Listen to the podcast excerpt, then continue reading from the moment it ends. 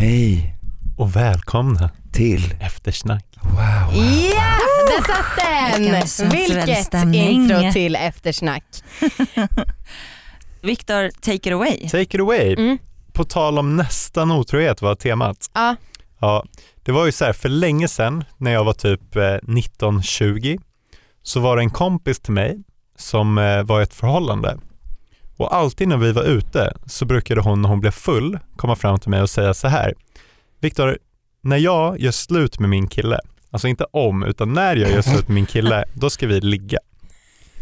Eh, Men gud! Rätt konstigt sagt. Ja, Eh, och det här fortsatte liksom, för sen så umgicks jag ju med dem båda två. Och då brukade de alltid hinta om trekanter. Alltså typ så här, ah, vore det inte kul att ha en trekant vi tre? Och sådana saker. Och sen Ja. bara, haha, vi skojar bara. Eller? Eller? Exakt. Exakt. Väldigt konstigt. Eh, men sen så blev det i alla fall en midsommar när både jag och den här tjejen var singlar. Eh, ska jag dra den historien också? ja Ja, det är kul. nice. Men det är ju inte så mycket otrohet. Nej, skit i Men det. ändå, Vi- skit, skit i teman. inte Teman är till teman, för ja. att brytas.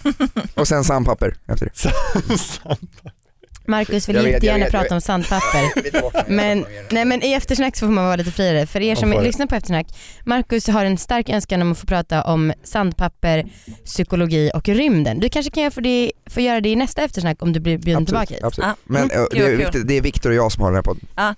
okej Viktor fortsätt gärna. Kan vi inte ha en omröstning om Marcus ska få hålla? Fortsätt med ligget nu. Ja, berätta om midsommar, herregud.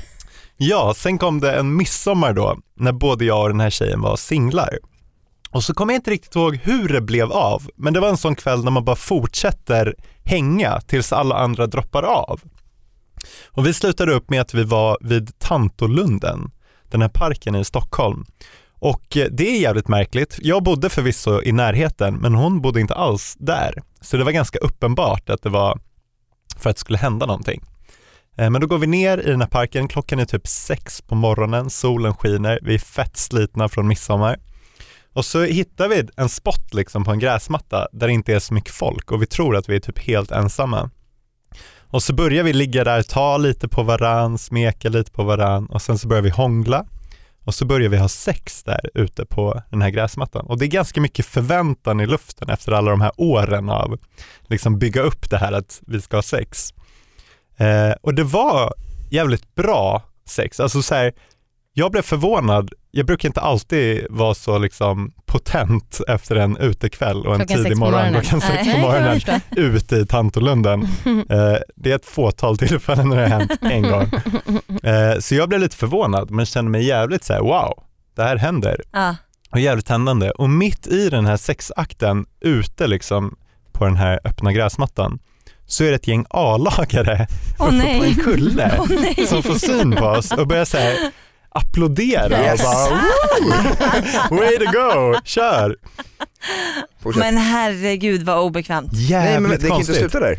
och det, nej, Nej. och grejen är, och det visar sig att det var lite en fetisch för henne att ha så här sex inför folk, lite så här public. Ja. Så hon tyckte det var jävligt härligt och jag bara okej, då kör jag väl. Men det var lite konstigt med publik liksom och den, den Ja. publiken. Just A-lag, alltså jag vet inte. Ja.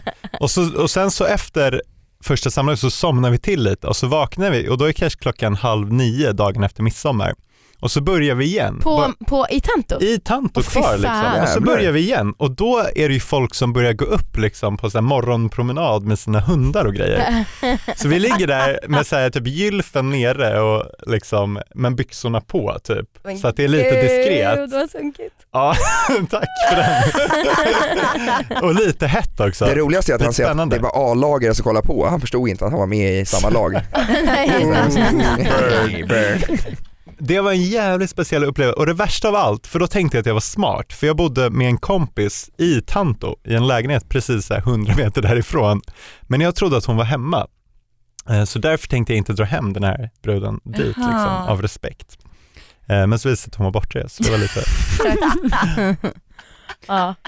Nej, alltså jag vet inte, jag, jag gillar liksom det, det låter hett men sen tänker jag på så här, dels så är det bara massa fimpar i Tanto, bara massa fågelbajs, lite A-lagare, lite folk som går powerwalkar. Men de har ju kolonilotter också. Ja det är sant, det är fint och romantiskt. Ja. Ja. Använd kolonilotterna. Nej! Ät inte salladen från kolonilotten. Fan jag önskar att jag hade Anna på min axel ibland när jag fattar dåliga beslut i Ja, livet. verkligen, Ska verkligen. det verkligen? A-lagare, fimpar. Mm. Do it, do it. Hörni, tack för idag. Ja, tack för idag. Vi, eh, vi kanske hörs någon gång. Kanske. Ja. Hej då på er. Hej då. Hej då. Hej då!